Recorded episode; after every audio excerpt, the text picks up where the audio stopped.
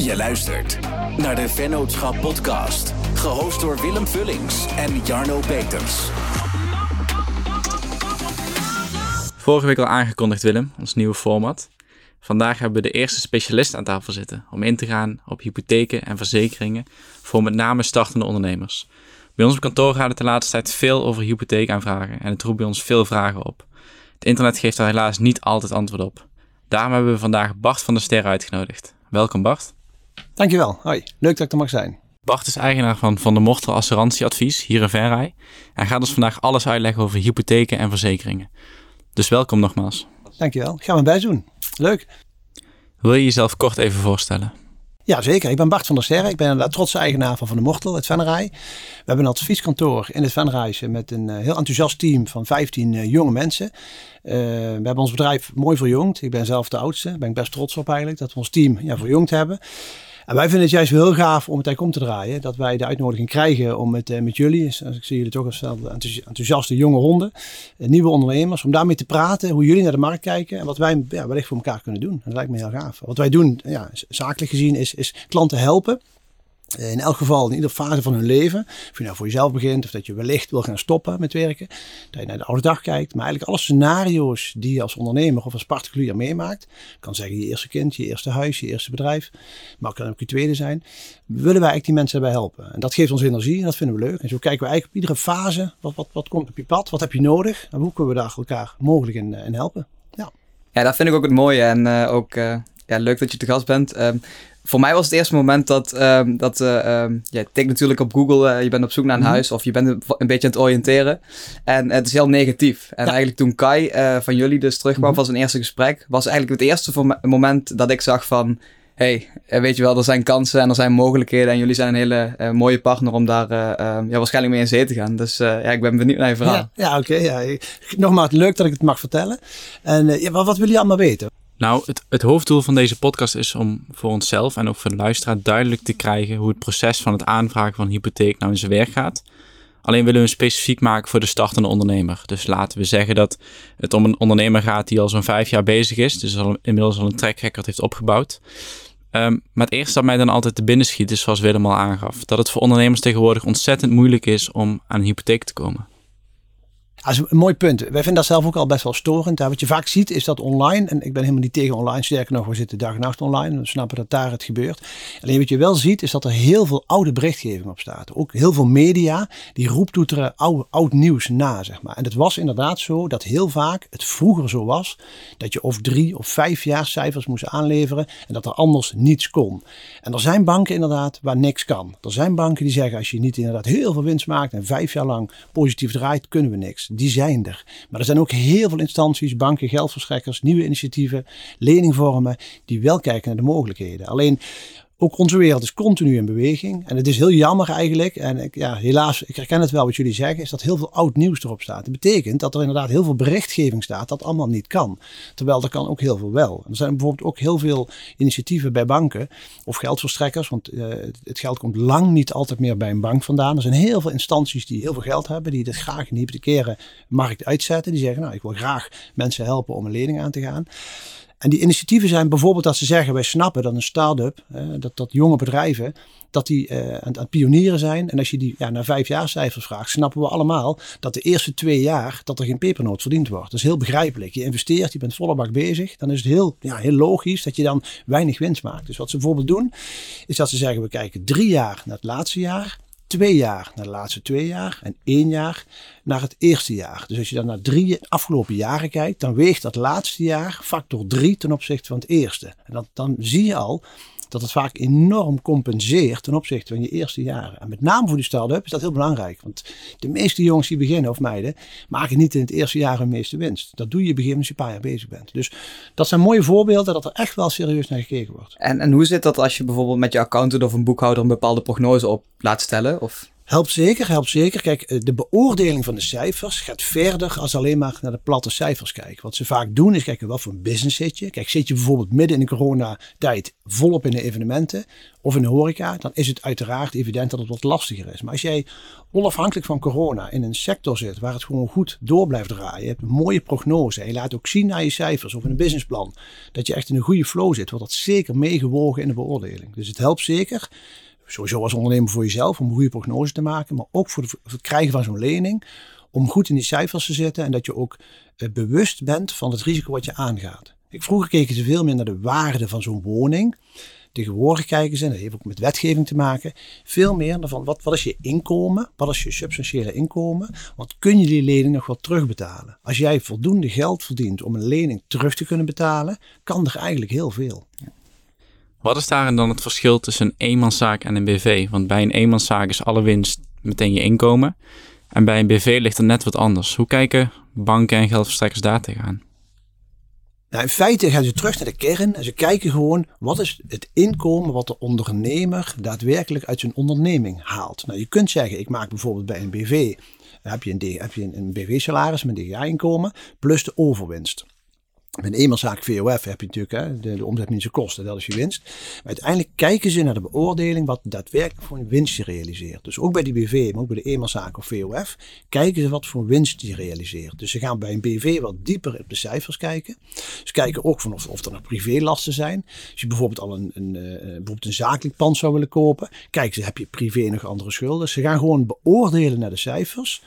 En wij merken echt dat er steeds meer wel kan. Dus alleen ze gaan wat dieper in op die cijfers. Nou, dan geef je een vraag. Het verschil dus tussen de eenmanszaak en de BV is in wezen niet zo heel erg verschillend, omdat ze naar de kern gaan van wat is het daadwerkelijke inkomen wat jij ja, haalt uit je bedrijf. En dat kan ook best zijn dat je zegt, ik haal er heel weinig inkomen uit, want ik heb uh, nu weinig woonlasten of ik woon nog thuis.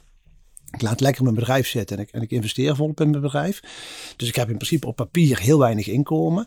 Maar als je laat zien dat je bedrijf daadwerkelijk rendeert, maar je hoeft het er niet per se uit te halen om te laten zien dat je het wel verdient. Dus dat is ook wel een belangrijke tip. Hè? Dus het, het uh, geldverstrekkers, niet allemaal overigens, maar een aantal kijken daadwerkelijk wat het rendement is uit je onderneming. En je hebt dan bedrijven met weinig activa, dus weinig bezittingen. Maar je hebt ook bedrijven die een pand hebben, een heel wagenpark, dus die daar een hoge post van op hun balans hebben staan. Worden die activa aan bezittingen dan ook meegenomen in die beoordeling? Deels. Dat is, dat is op en af. Dat ligt ook een beetje aan de situatie. Als je bijvoorbeeld een privéhypotheek wil of een zakelijke voor een pand. Ligt een beetje aan de situatie. Maar ook naar dat soort elementen kijken ze wel. Van wat, wat zit er voor, voor bedragen in dat bedrijf? Eerlijk is wel, ze kijken wel met name naar het rendement wat je maakt op je bedrijf. Want je moet die lening kunnen terugbetalen. Ik zeg wel, je kunt wel heel veel auto's op de zaak hebben of heel veel voorraad. Maar als jij eh, maandelijks een lening terug moet kunnen betalen, dan doe je niet het de voorraad. Dan doe je toch het rendement uit je onderneming. En als die onderneming niet rendeert, dan zal een geldverstrekker zeggen, ja, daar ga ik mijn geld niet aan lenen. Dus om hem heel plat te slaan en eigenlijk simpel te maken. Voor een geldverstrekker of een bank is het enige waar zij op beoordelen of hij of zij die het geld wil lenen, dat gedeelde bedrag ook terug kan betalen. En als toevoeging, dat is wel een goede vraag, het heeft ook te maken met wetgeving. Kijk, die banken en die verzekeraars en die geldverstrekkers hebben zich ook te houden aan wetgeving. En ook de wetgever zegt eigenlijk, en die gaat wel een beetje, slaat soms wel een beetje door. Hè. In Nederland ging er voorheen alles te makkelijk. Nu is het soms iets te moeilijk. Uh, maar die, die wetgever zegt, ja, we willen gewoon dat degene die die geldlening aangaat, hem ook terug kan betalen. Anders krijg je, heb je te maken met overfinanciering, overkreditering. Dat is in het verleden wel gebeurd, hè, dat mensen te veel schulden aangingen die ze gewoon niet terug konden betalen. En daar zit ook wel de hele crux eigenlijk, dat je online met name ziet dat er allemaal niks kan. Maar dat zijn de dossiers waar mensen bijvoorbeeld te veel geleend hebben of die in de problemen komen. En dat wordt vaak uitgemeten, daar komen ook wel claims, hè, zijn advocaten druk mee. Van, ja, jullie hebben bijvoorbeeld iemand te veel geld geleend, waardoor die in de problemen komt. Ja, dan hebben eigenlijk de, de andere mensen ook wel last van. Dus je moet tussen die mazen door gewoon goed kijken wat er wel kan. Uh, en je moet je ook niet, en hè, nogmaals, ik wil niet voor mezelf praten, maar een onafhankelijke adviseur kijkt naar de mogelijkheden onafhankelijk van welke bank. En als je specifiek naar één bank gaat, het kan net een goede match zijn. Hè? Soms heeft die, die bank een goede zin en kijken ze goed door naar de cijfers en gaan ze doen. Bij boekbanken die hebben een acceptatiebeleid en die zeggen dit doen we wel, dit doen we niet. Ja, dan, dan vervang je meteen bot. Maar als je naar de mogelijkheden kijkt, zeggen wij misschien wel, je moet in deze casuïstiek bijvoorbeeld niet naar bank A gaan, maar naar bank B of naar geldverstrekker C. Dat vind ik meteen een interessante, want Deze vraag had ik ook voorbereid. Als ik zelf op het punt sta om een hypotheek aan te vragen, zou ik altijd naar een onafhankelijk adviseur gaan. Ik denk dat het vanuit vroeger nog zo is dat veel mensen juist naar een bank toe gaan, bijvoorbeeld een lokale bank. Maar wat maakt het dan dat, naast wat je net al aangaf, dus dat je onafhankelijk bent en het alle banken kunt kiezen, dat het verstandiger is of slimmer is om naar een onafhankelijk adviseur te gaan in plaats van naar een bank? Ja, ik denk dat, dat, dat uh, in zijn algemeenheid proberen wij zo goed als kan klanten te adviseren. En banken verkopen over het algemeen hun eigen producten. Dus die kijken veel meer vanuit een perspectief. Dit is wat ik in mijn mandje heb en dat kan ik wel of niet verkopen.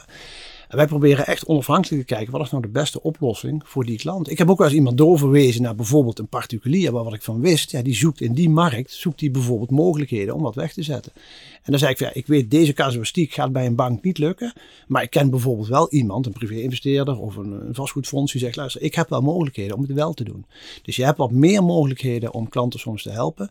En je bent er wat objectiever in dan bijvoorbeeld specifiek een bank. Wij werken ook eigenlijk met alle banken samen. Hè. Dus we, we, hebben alle geldverstrekkers onder onze hoede. Dus we kijken over, nou, die vraag zou het beste bij die of die bank terecht kunnen. En soms is dat de ene en soms dat de andere. En het kan ook wel eens tussentijds wijzigen. En daar ligt het tweede punt. Wat vandaag is, kan morgen anders zijn. We krijgen natuurlijk dagelijks nieuwsbrieven, berichtgeving via internet, waarin staat, nou die bank heeft besloten dit niet meer te doen, waarvan de andere bank zegt, oh dan gaan wij die markt weer in. En dat verandert continu. En dat kan zomaar zijn als, als consument of als bedrijf zegt, ik bel morgen bij die bank aan, dat die net zijn acceptatiebeleid gewijzigd heeft. En dan zeg je, ja, ik krijg hem niet rond. Terwijl we zeggen, ja, dat wisten we wel, want dat hebben ze gisteren gecommuniceerd. Dus je moet nu bij wijze van spreken een andere route bewandelen. En dat speelveld, ja, dat is wel fijn als je dan onafhankelijk iemand gaat. Herken je dan ook de trend dat waar vroeger nog veel mensen naar een bank gingen voor advies, voor hypotheekadvies, dat er nu doordat er veel onafhankelijke adviseurs zijn, mensen eerst daar naartoe gaan en uiteindelijk bij die bank terechtkomen? Je ziet eigenlijk, als je, nou, wij noemen het bankenlandschap. Vroeger had je eigenlijk in iedere plaats eigenlijk alle bankenvertegenwoordigingen wel. Kijk naar Venray bijvoorbeeld, er zaten alle grootbanken. Ja, nu is er eigenlijk bijna niemand meer over. Dus dat betekent eigenlijk dat ING is al weg, ABN is weg, Rabo zit er nog wel. Uh, wij zitten met Regiobank nog uh, als onderdeel van Volksbank. Maar je ziet natuurlijk het bankenlandschap echt veranderen. Je ziet dat in sommige regio's is er echt in een afstand van 30, 40, 50 kilometer geen bankfiliaal meer, uh, meer open. En de tendens is ook dat de bankfilialen aan zich alleen maar zullen afnemen. Je krijgt in supermarkten soms wel een dependance of een, of een locatie of een, van Bali. Maar echt adviesgesprekken ga je bij de supermarkt ook niet doen. Dus uh, je ziet inderdaad echt een verschuiving naar andere kanalen. Dat klopt. Ja. Zou je jullie uh, traject van A tot Z eens even kort uit kunnen leggen? Stel je voor dat Jan of ik uh, bij jullie mm -hmm. naar binnen komt of aanklopt of opbelt. En um, ja. hoe gaat dat in zijn werk? Nou, wat we eigenlijk het belangrijkste vinden is dat we eerst proberen te achterhalen wat jullie wens is, wat je, zoekt, waar je, waar op zoek bent. Hè? Dus dat we zeggen, god, waarom bel je ons, wat kunnen we voor, voor elkaar betekenen? En als we dat helder hebben, dan kom je al vrij snel, en zeker in het kader van het ondernemerschap, kom je op cijfers. Nou, ben je in loondienst, gaan we naar het inkomen kijken. Ben je zelfstandig, de cijfers beoordelen. En dat koppelen we dan eigenlijk aan die wens die je hebt. Dus je zegt, nou, ik ben op zoek naar een lening of voor een huis, voor een hypotheek, of zakelijk wellicht iets. En zo proberen we eigenlijk uh, die klantvraag, die klantwens, samen te voegen met datgene wat je kunt, kunt aanleveren. Uh, we proberen het ook zo breed mogelijk aan te vliegen. Dus als bijvoorbeeld iemand komt, ga je ook altijd kijken, koop je alleen of koop je met z'n tweeën. Dat wordt ook nog wel eens uh, vergeten, hè, dat bijvoorbeeld het partnerinkomen kan een heel groot element zijn waarom iets wel of misschien iets niet lukt. Stel dat je bijvoorbeeld zelf iets wil kopen, maar wel een relatie hebt, zeg ja, koop liever alleen. Dat kan. Maar als je toch samen woont, is het misschien net zo slim om samen eens te kijken wat je samen zou kunnen doen. En zo proberen we eigenlijk zo breed mogelijk aan te vliegen en dan te kijken wat de mogelijkheden zijn. Stel, komen jullie binnen en we hebben die, die wens, mijn wens in kaart gebracht. Wat hebben jullie dan concreet van mij nodig? Dus een ondernemer die vier tot vijf jaar bezig is, wat hebben jullie concreet aan cijfers nodig?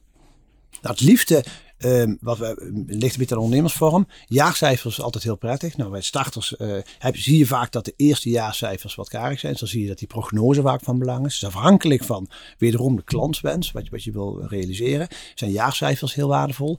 Willem zei net al terecht, die prognose is heel waardevol. Waar ik zelf altijd heel benieuwd naar ben, heb je een businessplan, heb je een ondernemersplan?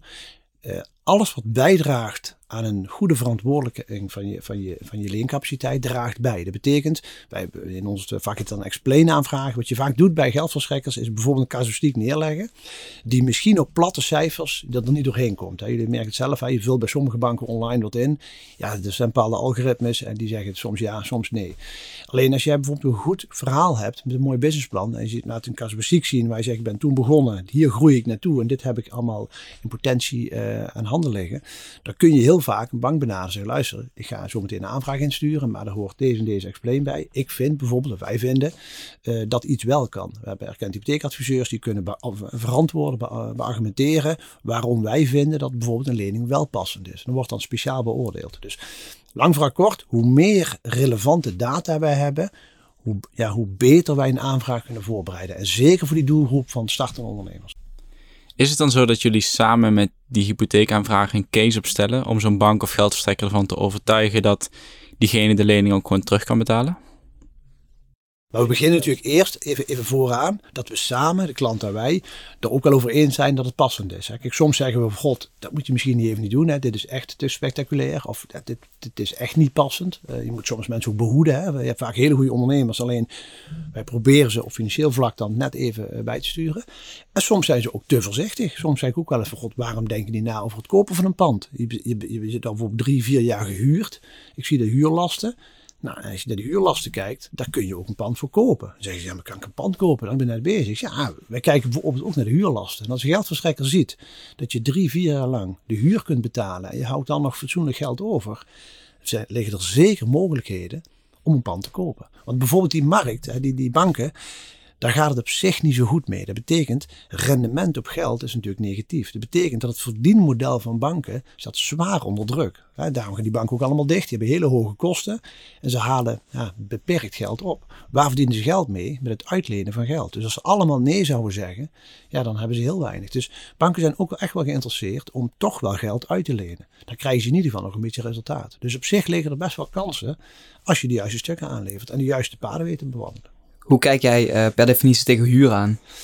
Nou, Privé en zakelijk. Ja, kan beide prima zijn. Kijk, voor de lange termijn, als je echt zegt ik wil voor de langere termijn, 10, 20 jaar, ja, is natuurlijk iedere huurpenning is een beetje zonde. Alleen huren kan in sommige situaties meer dan prima zijn. Ik bedoel, flexibiliteit kan vaak heel prettig zijn. Vaak weet je bijvoorbeeld nog niet als ondernemer, blijf ik hier zitten of ga ik, ga ik door. Hè? Op het moment dat je te snel een bedrijfspand koopt, zit je er misschien ook wel aan vast en denk je, ja, had ik maar gehuurd. Dus ik vind huren kan in sommige situaties meer dan prima zijn. Ook voor wonen. Als je zegt, nou, ik wil misschien nog een wereldreis maken of ik weet nog niet zeker of ik ga samenwonen, kan huren een prima oplossing zijn. Alleen die markt is ook lastig nu. Hè? Dus ja. Die zijn, ja, want, want daar wil ik het ook even over hebben. Kijk, de markt is super lastig. Wat, wat is jouw advies op dit moment? Ook voor zeker jonge startende ondernemers. Ik vind het heel moeilijk om een generaal advies te geven. Uh, ik krijg die vraag heel vaak, dus ik snap hem wel.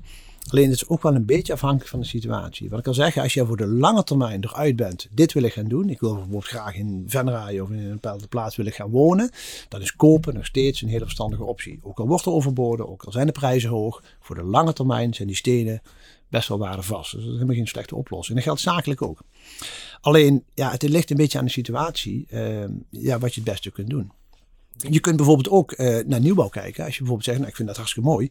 Nieuwbouw zie je de markt van overbiedingen wat minder. Hè. Dus dan zeggen gewoon vaste prijzen. Ontwikkelaars zeggen, daar kun je op inschrijven. En als je uitgeloord bent, als je lang genoeg ingeschreven staat, kun je ook relatief goed een nieuwbouwwoning kopen. Dus in die zin, uh, ook daar liggen best wel kansen. Wij doen heel veel starters begeleiden. En ja, die kiezen ook vaak voor mooie nieuwbouwprojecten. Dus dat kan ook een prima oplossing zijn om toch die markt op te komen. Komt uit zo'n gesprek ook wel eens naar voren dat het verstandiger is om te huren voor de aankomende jaren in plaats van meteen te kopen? Dat kan zeker, kan zeker. We hebben ook eens gehad dat mensen eigenlijk niet wilden verhuizen. Maar die wilden bijvoorbeeld de badkamer verbouwen. En dan kwam je, kom je in zo'n gesprek, kom je erachter. Ja, maar wellicht is wat jullie allemaal willen, met de hypotheek die je hebt, dat zijn vaak dan doorstromers. En mensen zitten ergens in een bepaalde hypotheek. Bijvoorbeeld, die hebben nog een oude hypotheek met 65% rente. En die zeggen eigenlijk, hey, als ik nou ga doorstromen, als ik nou mijn huis verkoop, pak ik die overwaarde. Ik koop iets nieuws aan, want eigenlijk die badkamerverbouwing die ik wil realiseren, of een tweede kamer erbij, of studiekamer erbij, kan ik veel beter in een nieuwe woning doen dan in een bestaande woning. Dus je ziet soms uit gesprekken dat er hele ja, bijzondere dingen uitkomen. En um, als we inderdaad, ja, dat weet je natuurlijk ook niet, maar um, het is wel grappig om het er even over te hebben. Wat denk jij uh, dat die trend gaat doen, die bubbel waar we in ja, zitten? Ja, is lastig. Uh, het is goed dat je zegt dat ik het ook niet weet, dat weet ik ook niet. ik heb er wel ideeën over, maar ja, ik kan ook niet in een glazen bol kijken. Uh, wat er nu speelt is wel heel bijzonder. Je ziet eigenlijk, hè, Rutte zegt, we zitten in de grootste crisis na de Tweede Wereldoorlog. Maar je ziet eigenlijk op de huizenmarkt bijvoorbeeld dat de prijzen alleen maar stijgen, rente daalt. En er wordt inderdaad vrij bizarre prijzen worden betaald.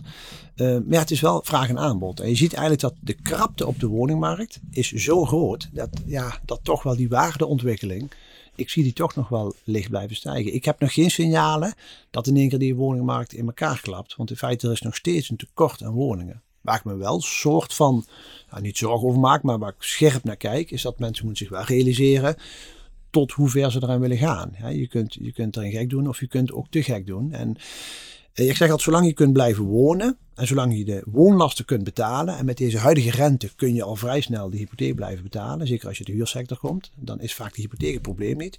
Maar waar de uitdaging ligt, als je bijvoorbeeld met z'n tweeën koopt. Je gaat uit elkaar. Als je dus fors gaat overbieden. En na twee jaar zeg je, ik vind, we vinden elkaar niet meer aardig. We gaan uit elkaar. En je moet elkaar uit gaan kopen. Dan kunnen er wel problemen ontstaan. Dus je moet waakzaam zijn. En je moet goed nadenken wat je wel, wat je niet doet. En dat, maar het is heel lastig om generiek te zeggen waar het naartoe gaat. Maar ik, wat zijn überhaupt scenario's waar de huizenmarkt wel kan klappen? En wat kan hier bijvoorbeeld de oorzaak van zijn? Dat is heel lastig. Je zag eigenlijk in de vorige crisis eigenlijk dat er is heel veel psychologie. Hè? Dus als in de Telegraaf staat het is crisis, dan zegt men dat het crisis is. Terwijl er zijn complete beroepsgroepen. Als je bijvoorbeeld, hè, stel je bent politieagent en je partner is lerares, of je werkt in een ziekenhuis, dat zijn beroepsgroepen waar in principe geen massaanslagen eh, voorkomen. Dan heb je in feite een soort van baangarantie voor lange termijn. Maar als, als men zegt dat het crisis is, dan gaan mensen de hand op de knip houden. En dan kan er zomaar crisis ontstaan. Er zijn natuurlijk hele ja, uh, gedachten achter wat dat, wat dat kan zijn. Dus op het moment als men roept dat het crisis is, hoeft het lang niet voor iedereen crisis te zijn. Dat zie je nu eigenlijk ook. Rutte zegt dat we in een crisis zitten. We zitten in een soort gezondheidscrisis. Terwijl er heel veel geld rondgaat in de economie. Dus ja, om je vraag te beantwoorden vind ik lastig. Ehm, maar het, het, kan zeker weer gebeuren. Maar het kan ook een hele andere oorzaak zijn. Hè. Als je kijkt naar de schuldencrisis aan zich. Dat was eigenlijk de, de, oorzaak van de vorige keer. Toen was het veel meer een schuldencrisis. Dat we eigenlijk met elkaar, in Amerika is dat begonnen. In de bubbel van hypotheken daar. Waarin een aantal banken gingen omvallen. Dat er eigenlijk veel te veel schuld was ten opzichte van de waarde woning. En dat kan in theorie hier nu ook gebeuren. Uh, van de andere kant hebben wij wel een wat stabielere markt dan in Amerika. Maar wat er destijds gebeurd is bij de banken daar, uh, ja, dat hebben een aantal economen wel voorspeld, een aantal ook niet. toch is het gebeurd. je ziet bijvoorbeeld in Japan is al, al decennia de rente zo laag zoals we hem hier hebben. Dus heel veel mensen zeggen dat kan niet, dat kan niet. Ja, in Japan kan het al 30 jaar. Daar zie je al 30 jaar dat de rente op 1% zit. Dus het kan wel degelijk. Ik denk alleen dat je goed naar je eigen huishoudboekje moet kijken. Goed naar je eigen bedrijf of naar je inkomsten moet kijken. En dat je daarop moet sturen. Je moet denk ik opletten om het te generaliseren. En zeg ja, iedereen doet het, dus ga daar maar in mee. Zolang je zelf goed in de wedstrijd zit, kritisch op je huishoudboekje bent. Ja, loop je denk ik beperkt risico. Maar risico loop je altijd. Dat kan ons allemaal gebeuren. Ja, denk je niet dat als, uh, stel je voor, als de rente stijgt, dan zal het waarschijnlijk, zal de bubbel waarschijnlijk iets inkrimpen, toch? Mocht die stijgen. Ja, je ziet alleen wel dat dan nog steeds is er krapte op de woningmarkt. Dus, dus ja, als de rente gaat stijgen, zal dat waarschijnlijk betekenen dat die huizenmarkt minder hard stijgt. Ik zie hem niet in elkaar klappen. Hij zal minder hard stijgen. Door die lage rente zie je natuurlijk wel dat die prijzen harder stijgen. Je ziet ook een aantal maatregelen uh, die de overheid heeft proberen te nemen, dat die niet werken. Bijvoorbeeld hè, bij starters is het natuurlijk prachtig dat je geen overheidsbelasting hoeft te betalen. Alleen de vraag is, dat zorgt er niet voor dat er uh, meer woningen zijn. Zorgt er ook niet voor dat de prijzen omlaag gaan. Dus in die zin uh, wordt het probleem op die woningmarkt nog niet echt opgelost door de maatregelen die de overheid neemt. Zijn er maatregelen die jij in gedachten hebt die wel aan die oplossing kunnen bijdragen? Ja, als je naar het woonprobleem kijkt, uh, zeg maar, ik denk dat je als je bijvoorbeeld kijkt nu, uh, dat, dat je fiscaal gezien, de overheid heeft een aantal regelingen die eigenlijk uh, nadelig zijn voor de woningmarkt. Bijvoorbeeld als je als ouderen, als je gaat samenwonen, word je gekort op de AOW. Ik denk als je bijvoorbeeld ouderen die nu misschien alleen wonen, zeggen god, ga lekker samenwonen. Zoals jongeren dat ook doen. En jongeren zitten vaak prima met vier man in één huis. Als je één badkamer, één keuken hebt, kun je prima met vier man wonen. Als je wellicht ouderen laat samenwonen en ze fiscaal niet gaat korten op de AOW, maar eigenlijk gaat belonen, ga samen in een huis zitten. Als dan uh, neefje nichtje bezoek komt, hebben al die oudjes daar misschien uh, lol aan. Dus hoeft niet allemaal, hè? dat is een vrije keuze. Maar op het moment dat een aantal ouderen samen zouden gaan wonen en niet gekort worden op hun AOW, komen er huizen beschikbaar voor jongeren. Nu zie je eigenlijk dat de jongeren heel moeilijk de markt op kunnen, dat er weinig woningen zijn. Maar je ziet eigenlijk dat er een aantal maatregelen zijn die het belemmeren om te gaan verhuizen. Dus die maakt het ook op een bepaalde manier op slot. Dus ik denk dat je wat anders moet gaan denken over die woningmarkt. Je ziet ook bijvoorbeeld dat sommige panden leeg komen te staan. En dat, er, dat de, de, overheid Den Haag, zegt, we gaan een miljoen huizen bouwen. Nou weten allemaal, voordat die miljoen er komen, zijn we 10, 20 jaar verder. Terwijl in het Venrage staan panden leeg waar mensen ideeën hebben om woningen te realiseren. Maar dan zegt diezelfde overheid, gaat de bestemming eh, ga ik niet aanpassen, of dat mag niet, of de provincie vindt daar wat van. En dan ga je eigenlijk weer ja, een soort van anticyclisch reageren. Dus ik denk dat je flexibeler moet worden en meer eh, moet reageren op de situatie van nu.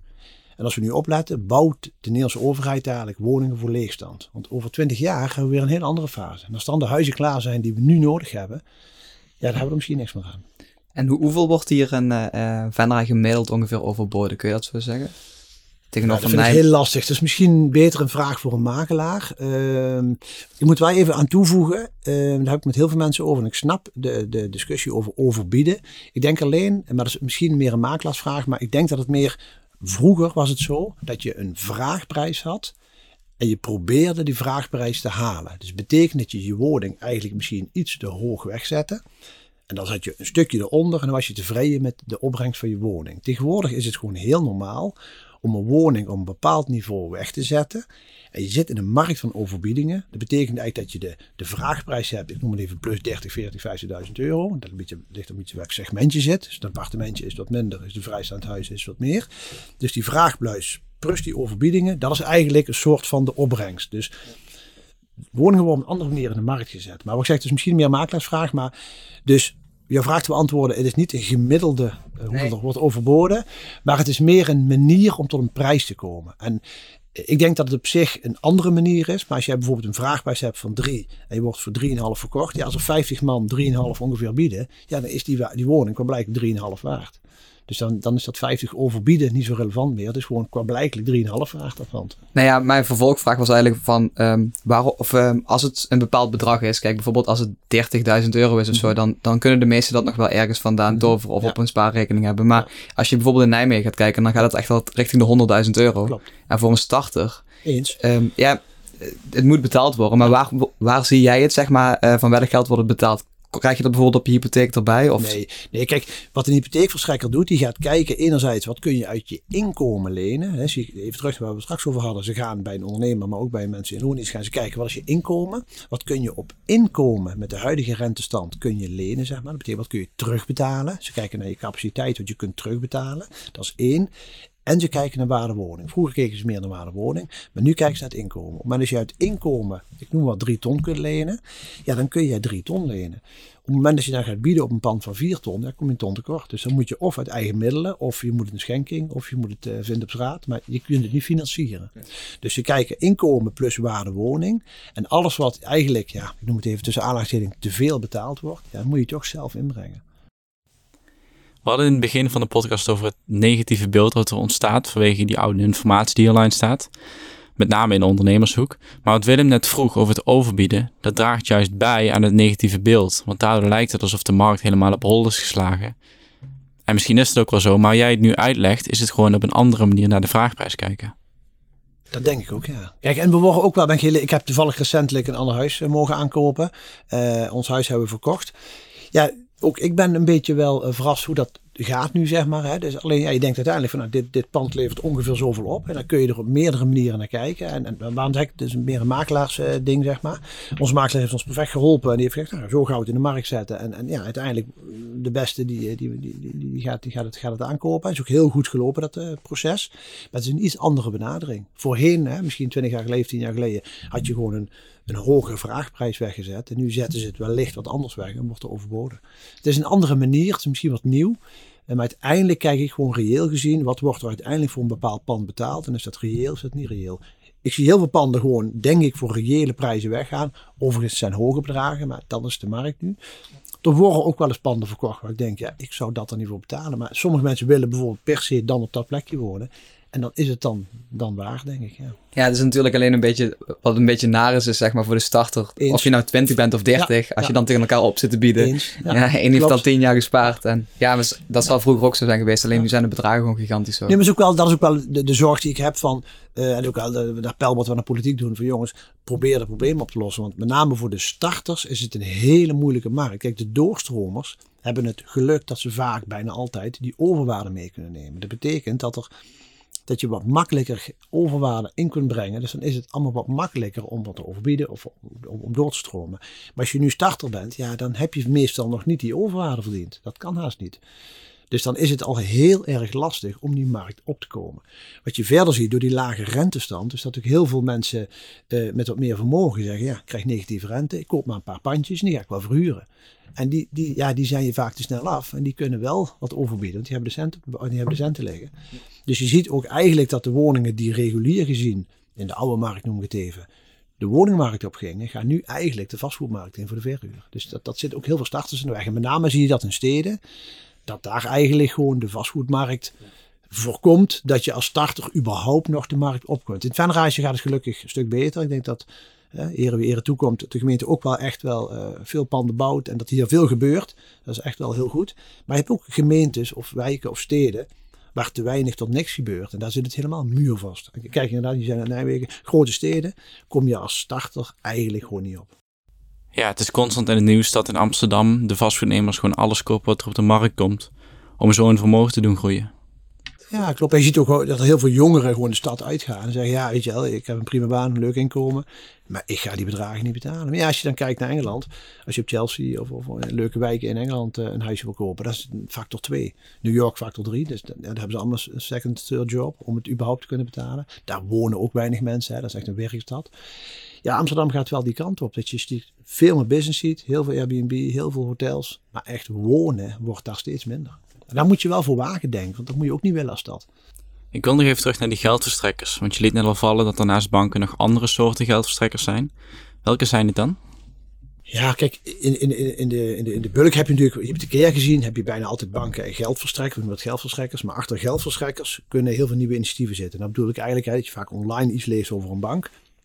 Maar geldverstrekkers zijn ook heel vaak bepaalde fondsen of, of pensioenfondsen, verzekeraars zitten erachter, die gewoon geld in de hypothecaire markt zetten. Er zijn bepaalde hypotheeklabels noemen wij dat.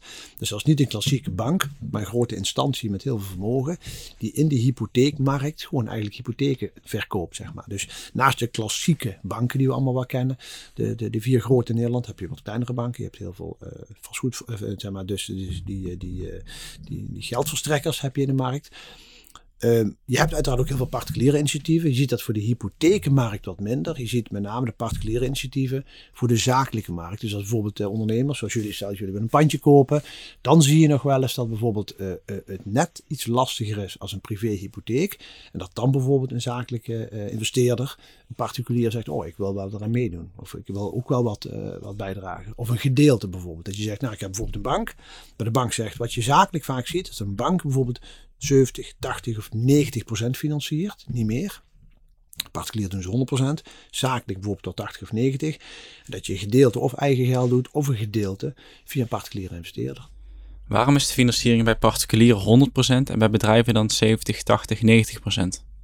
Dat is een goede vraag. Eigenlijk zeggen banken of geldverstrekkers zeggen gewoon: wij vinden gewoon als je als bedrijf een pand gaat kopen, dan heb je, en ik vind het ook wel gezond hoor. Ik zou zelf ook niet snel adviseren om 100% te financieren als ondernemer.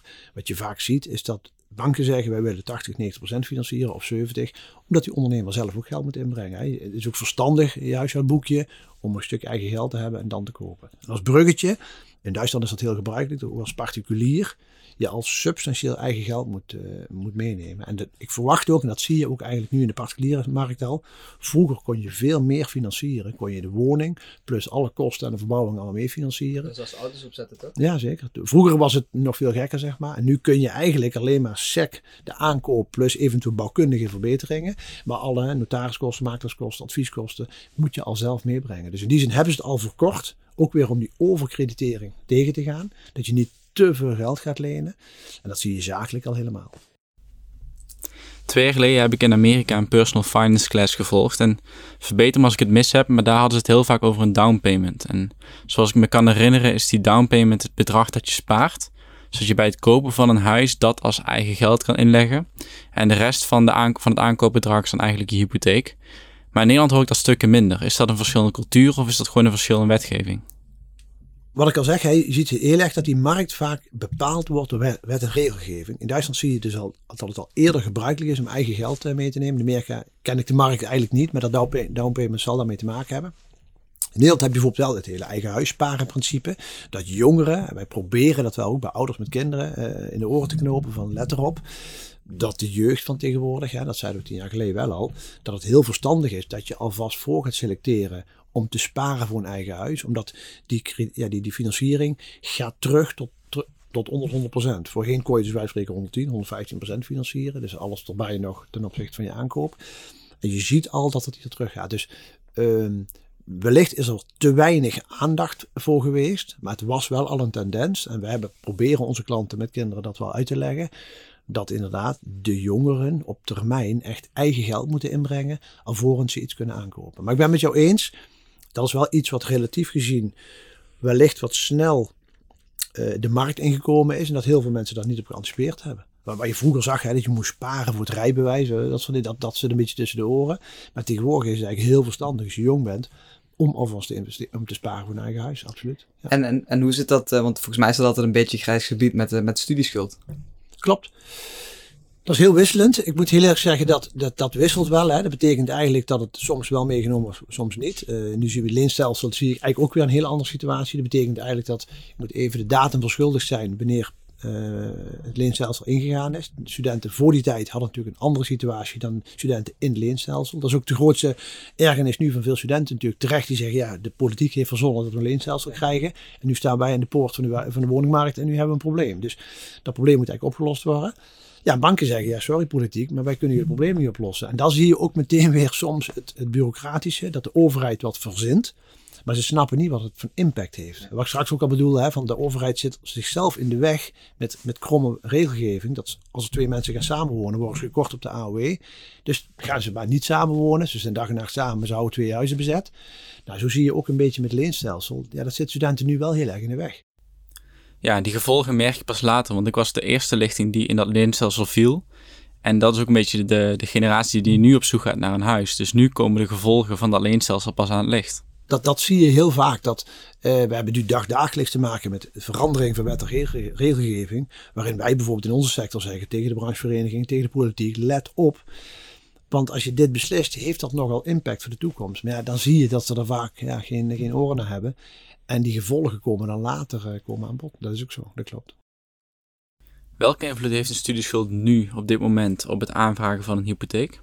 Uh, dat, nou, nu heeft het uh, als nadeel dat, dat het natuurlijk meegewogen wordt in de acceptatie. Het enige is wel dat banken met een soort van convenantachtig iets bezig zijn. Om te zeggen, ja, we moeten natuurlijk die, studenten ook uh, weer, weer tegemoet komen. Dus ze zijn nu wel aan het kijken. Maar ik moet heel eerlijk zeggen dat ik het exacte antwoord daar even niet op weet. En ik weet de laatste stand van zaken daar even niet in.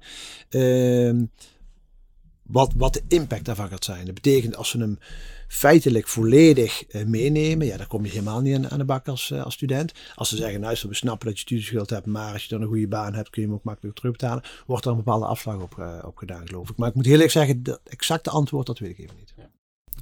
We hadden net over online tools die je kunt invullen en dat er dan middels een algoritme een beoordeling uitkomt.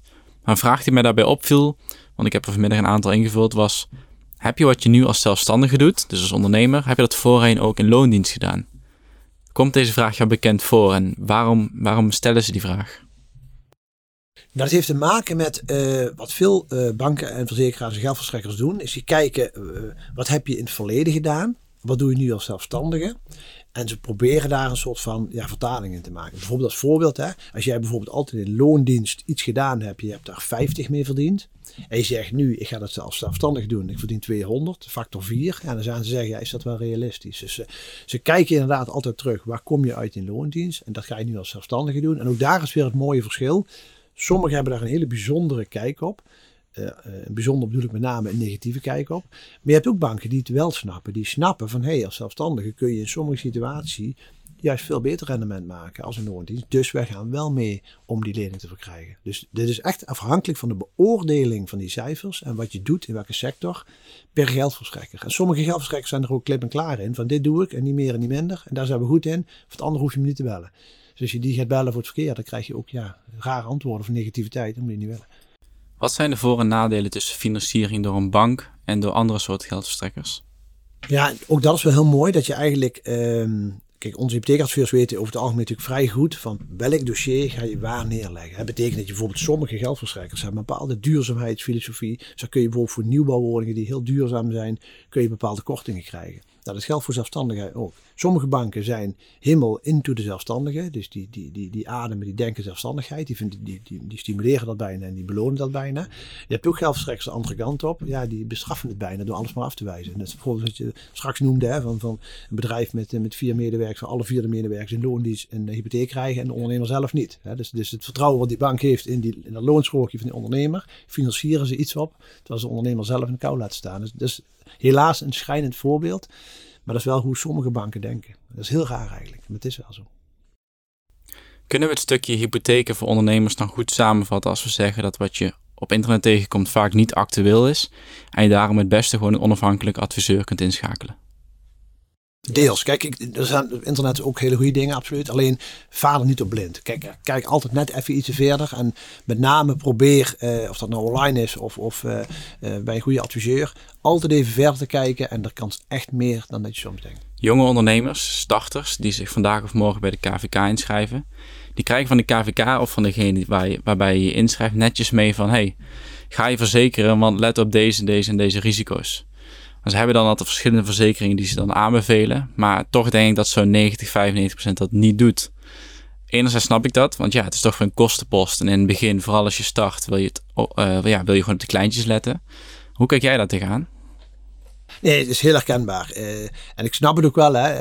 Uh, uh, ik ben zelf ook voor mezelf begonnen wel iets, iets, wel iets later. Maar uiteraard dan zit ik verzekeringen. Dus dan is dat, dat bruggetje snel gemaakt. Maar ik snap helemaal dat je als, als startende ondernemer niet meteen aan verzekeringen denkt. Het is niet echt heel sexy. Ik snap ik helemaal.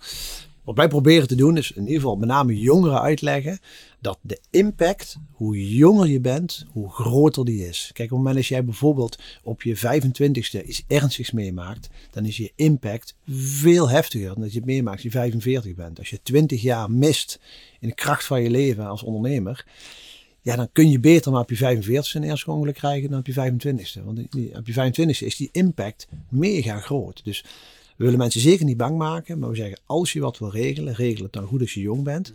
In plaats van wat veel ondernemers doen, nou dat doe ik nog wel een keer. Als ik daar wat verder ben, dan ik zeg dat kan. Alleen dan is de impact steeds kleiner. Want eigenlijk is het een beetje anticyclisch.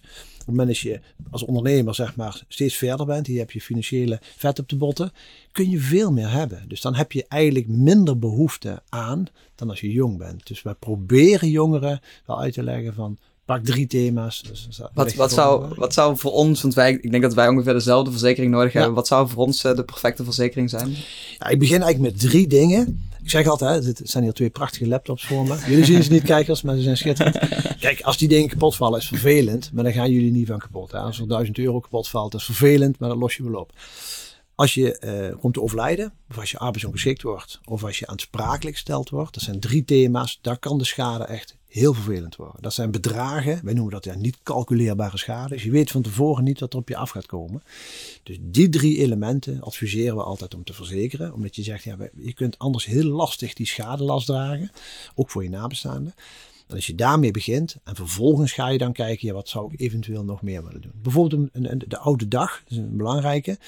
Maar dat hoeft niet aan een minuut. Je gaat nu en volgende week, en dan kijk je zo aan, volgend jaar nog niet met pensioen. Dus dat hoef je nu nog niet te regelen. Maar zou je morgen komen te overlijden en je hebt bijvoorbeeld een partner of kinderen en je hebt dan niks geregeld en het is een jong gezin, ja, dan laat je wel een hoop ellende achter. En dan kun je dat beter maar nu geregeld hebben. Dus zo proberen we altijd te kijken wat is, wat is nu van belang en wat kun je eventueel later nog doen. Je hoeft niet alles tegelijk, maar begin bij het belangrijkste. En dat zijn die drie thema's eigenlijk. Ik vind het thema aansprakelijkheid nog wel interessant, want daar kan van alles wel en niet onder vallen. Hoe gaat dat dan in zijn werk bij, laten we zeggen, IT, uh, IT-vakgebied? Denk bijvoorbeeld aan cyberaanvallen. Wat valt dan wel en niet onder een standaard aansprakelijkheidsverzekering? Ja, dat is een goede vraag.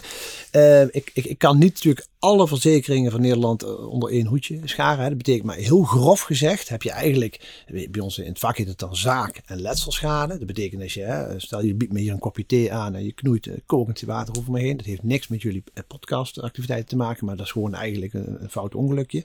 Dus als ik letselschade zou leiden, dus stel als bedrijf zijnde veroorzaakt je letselschade of je stoort de beroemde Ming-vaas om. Je bent ergens op bezoek en je, pom, je maakt iets kapot. Dat zijn de klassieke zaken die eigenlijk iedere huistuin- en keuken zakelijke verzekering wel dekt. De zaakletselschade. Nou, dat, dat kost ook niet zo heel erg veel geld. Dus dat zou ik altijd gewoon verzekeren. Als je er wat meemaakt, heb je ook geen gedoe. Waar je net aanhaalde, cyber en bijvoorbeeld hè, contractuele aansprakelijkheid. Dat is heel erg afhankelijk wat je met je klanten afspreekt, welke markt je bedient. Uh, en dat is heel erg afhankelijk van je business. En dan kan het zomaar zijn dat het ene bedrijf zegt: ja, ik hoef daar niks voor te regelen, want ik heb daar hele duidelijke afspraken over. Een andere bedrijf loopt daar wel risico's, omdat hij bijvoorbeeld bepaalde contracten tekent, waarin staat: als het fout gaat, ja, dan hangen ze aan de hoogste boom op, spreek, spreekwoordelijk. Ik wil ondernemers nooit afremmen. Maar ik heb vroeger in het Eindhovense gewerkt. En een mooi voorbeeld. Uh, en niks tegen Philips, een prachtig bedrijf. Maar je had Eindhovense ondernemers die vroeger zeiden, ah, heel trots, op mijn lijstje staat Philips. Maar er waren ook heel veel ondernemers die zeiden, nou, alles behalve Philips. En als ik dat contract teken, ben ik door de rest van mijn leven klaar. Want daar kan ik niet aan voldoen. Dat is juridisch zo negatief. Dus even als voorbeeld, is afhankelijk wat je afspreekt, voor wie wil je werken, onder wat voor condities. En dat is weer eigenlijk heel belangrijk, hoe je je bedrijf organiseert. Dus je kunt heel veel verzekeringen afsluiten. Maar het is zeker zo belangrijk, weet je dan, bij ons zit een beetje risicomanagement, om te kijken van welke risico's loop je potentieel. Wat spreek je af met klanten? Of wat leg je bewust op een andere plek neer? Ja, je kunt ook heel duidelijk zeggen, beste klant, dit wil ik voor je doen. Maar dit zijn jouw risico's. Daar ga ik niet dragen, dat risico. En dat scheelt wel heel veel. Dus als je aan de voorkant met je klant gewoon je contracten op orde hebt en die drie, driedubbel laat checken, dan hoef je je dus niet plat te verzekeren voor allemaal verschillende kleine dingen. Precies. En ik vind ook persoonlijk, je kunt veel beter een schade voorkomen, of een discussie, of een rechtszaak, dan je verzekeren tegen die rechtszaak. Je kunt veel beter zorgen dat je niet voor het poortje komt. En als je dan voor het poortje komt, dat je dan uiteraard een goede verzekering hebt. Maar aan die voorkant is het zeker zo belangrijk. Dus ja, het, is ook, uh, het liggen ook al kansen, hè, bijvoorbeeld voor juristen, om, om, om wat laagdrempeliger uh, start-ups te helpen, jonge ondernemers te helpen. Om te zorgen inderdaad dat ze aan de voorwaardenkant, hè, dat ze, we zeggen bijvoorbeeld ook heel vaak van heb je je voorwaarden op orde. En heel veel starters, uh, moet nog een keer doen. Ja, het zijn van die dingetjes. Het zijn Probeer eens even van een, van een concurrerend bedrijf. Bijvoorbeeld, mag niet, ik mag niet zeggen, maar ja, je weet hoe het werkt. Maar in ieder geval probeer aan die voorkant duidelijke afspraken te maken. Dat scheelt echt aanzienlijk. Ja, ik vind het, nu vind ik, als je dit maatwerk aanbiedt, dan komt het mij al heel anders over dan dat wij hebben natuurlijk al vaak gekeken naar een verzekering. En dan tik je dat bij Google in en dan heb je van die standaard pakketten. Ja, En dan denk ik van, oké, die standaard pakketten is toch best wel een, een prijs. En voor, voor, mijn gevoel is het dan altijd hetgene wat ik dan net nodig zou hebben. Of waar ik me dus echt zou voor willen verzekeren voor een bepaalde prijs. Dat zit er dan net niet in, weet ja, je wel? Dat, dat is altijd de mismatch. En dat is natuurlijk een beetje ons vak wel, om te zorgen dat het er wel aansluit. En je ziet natuurlijk wel, en dat is, ja, ik bedoel, de online wereld brengt ons heel veel. Maar ook wel heel veel verdriet af en toe. Dat het begin met, die, die, je hebt heel veel mismatch begin met. Dat je denkt iets aan te klikken wat goed is. Maar uiteindelijk blijkt het gewoon niet passend te zijn. En daar zie je ook weer ja, dat bijvoorbeeld de wetgever je wel eens in de weg zit. Dat je eigenlijk van de ene kant moet je heel veel. Van de andere kant wat je dan afsluit, past dan weer niet. En dat is ook wel een strijd die wij bijvoorbeeld voeren met verzekeraars en ook naar de politiek toe. Dat wij zien ook heel veel, helaas nog steeds, heel inferieure producten online eh, rondzwerven. Waar wij van weten, niet op klikken, want daar heb je niks aan. Betaal je premie aan, maar altijd teleurstelling. En dat is meteen ook wel ja, weer het lastige aan die, aan die markt. Dat je natuurlijk generaal gezien kun je niet zeggen dit is goed, dit is niet goed. Je hebt heel veel producten.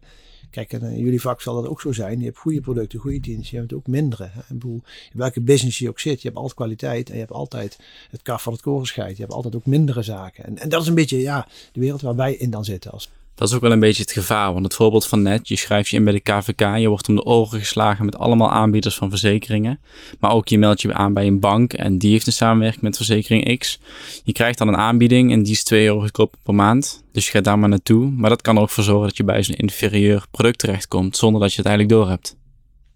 Nee, dat klopt. Dat is ook zo. En dat is een beetje ons vak natuurlijk om klanten erop te wijzen van God, zorg dat het verzekeringspakket wat je hebt passend is. Ik zou ook altijd, of je nou bij ons doet of bij een ander, dat maakt niet uit. Met de stelregel is wel, verzekeringen afsluiten is een momentopname. Maar wat wij eigenlijk nog veel belangrijker vinden, is periodiek even uh, vinger aan de pols houden. Om, of kijken of het nog klopt. Ik ken geen ondernemer die stil blijft staan. Want als je dat doet, dan stopt het. Dus je bent continu in beweging, je doet nieuwe dingen. En zeker hè, hoe jonger je bent, hoe, hoe meer je doet vaak. En als je, dat, als je dan niet periodiek even naar kijkt, dan klopt het vaak niet meer. En dan heb je ooit iets afgesproken. Mhm. En dan ben je drie jaar verder en dan klopt het gewoon per definitie niet meer. En dan meld je zo'n schade of dan meld je een keer wat. Ja, dan weet je stevast dat zo'n verzekeraar zegt, ja, maar dat is heel wat anders. En dan krijg je gedoe en dat is echt wel teleurstellend. Dan heb je eigenlijk premie betaald voor niks. Trekken jullie die ondernemers dan ook periodiek aan de jas? Proberen we wel, ja, dat is wel wat we proberen. Om periodiek alles door te akkeren en te kijken van klopt het nog. En dat is natuurlijk ook wel, we hebben de lokale functie. Hè, dus in die zin zien we ook heel veel voorbij. Wat wij bijvoorbeeld online heel veel doen, is kijken. Ik zie online heel veel, ik post wat minder. Maar ik zie wel heel veel. Dus ik heb ook wel vaak dat ik dingen signaleer. En dan bel ik iemand van, ach, vergeten, sorry Bart. Omdat ik dan online iets zie waar ik denk, oei, volgens mij uh, moet je me even bellen, zeg maar. Dat soort dingetjes, dat, dat proberen we heel erg. Maar we kunnen niet alles zien, maar wat we kunnen, proberen we zeker. Lijkt me wel lastig om in zo'n veranderende markt toch van alles op de hoogte te moeten blijven. En hem dan ook nog eens de link te moeten leggen naar dat het voor klant X, en Z wel impact heeft. En die regelgeving voor de ander weer niet. Ja, dat is het, absoluut. Ja, dus, uh, ja. Ik weet nog wel, toen ik in verzekeringen begon, ik, uh, ik heb een andere achtergrond, maar toen, toen dacht ik altijd, ja, verzekering dat is saai en dat is suf en dat is grijs. Maar ik zeg op kantoor wel eens van, daar hebben we het heel vaak over, ja, bij ons is geen dag hetzelfde. Want bij ons is ook continu in beweging. Dus, dus, dus alles, alles behalve saai. Het is alleen een thema wat vaak bij anderen zeggen, oh, verzekeringen. En, daar, dat, dat vinden we ook wel prettig, want daar, hebben we, daar zijn, we, zijn we druk mee. Dus, uh, maar goed, dat iedereen het leuk vindt, dat zal wij niks meer te doen. Ik ben wel benieuwd naar uh, drie bruikbare tips voor mezelf, voor Janne, maar ook voor ja? de luisteraars. Okay. Waar je dus echt direct mee aan de slag kunt gaan. Nou, ik denk een plan is wel heel wezenlijk. Dat je, dat je voor jezelf, niet alleen voor de hypotheek, maar als ondernemer aan zich, maar zeker ook richting, uh, uh, als je naar een eigen woning of een lening wil, dat je een plan hebt. Dat je je cijfers op orde hebt. en dat je je toch wel probeert te oriënteren op die markt. want dat is toch wel een heel aangaan.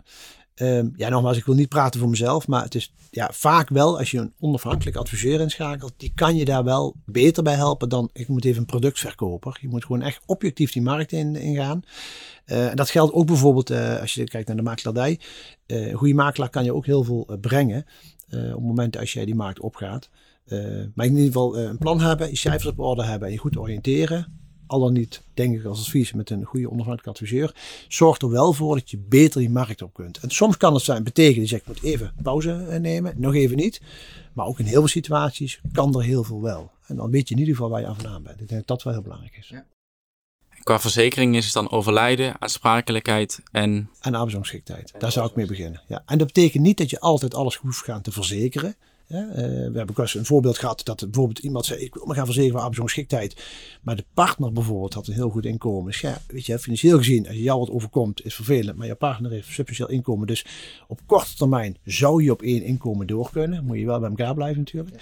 Dus, dus je moet altijd even verder kijken. Maar dat zijn wel de drie elementen die, uh, waar ik mee zou beginnen, inderdaad, absoluut. Ja. Dan zijn we rond, denk ik. Tenminste, al mijn vragen zijn beantwoord. De eerste aflevering van ons uh, nieuwe concept met een specialist aan tafel. En, nou, leuk. Uh, wat mij betreft zeer geslaagd. Nou, super. Ja, alle, alle vragen die ik in ieder geval had, die zijn beantwoord. Helemaal Volgens mij die van jou ook. Super. Dus uh, dank u wel voor je komst. Ik vond het heel leuk om te doen. Jullie dank voor de uitnodiging en heel succes met het vervolg. En ik, ik, blijf luisteren. Leuk. Mooi, dankjewel. Bedankt voor het luisteren naar de Vennootschap podcast. En vergeet niet te abonneren op Spotify en Apple Podcasts.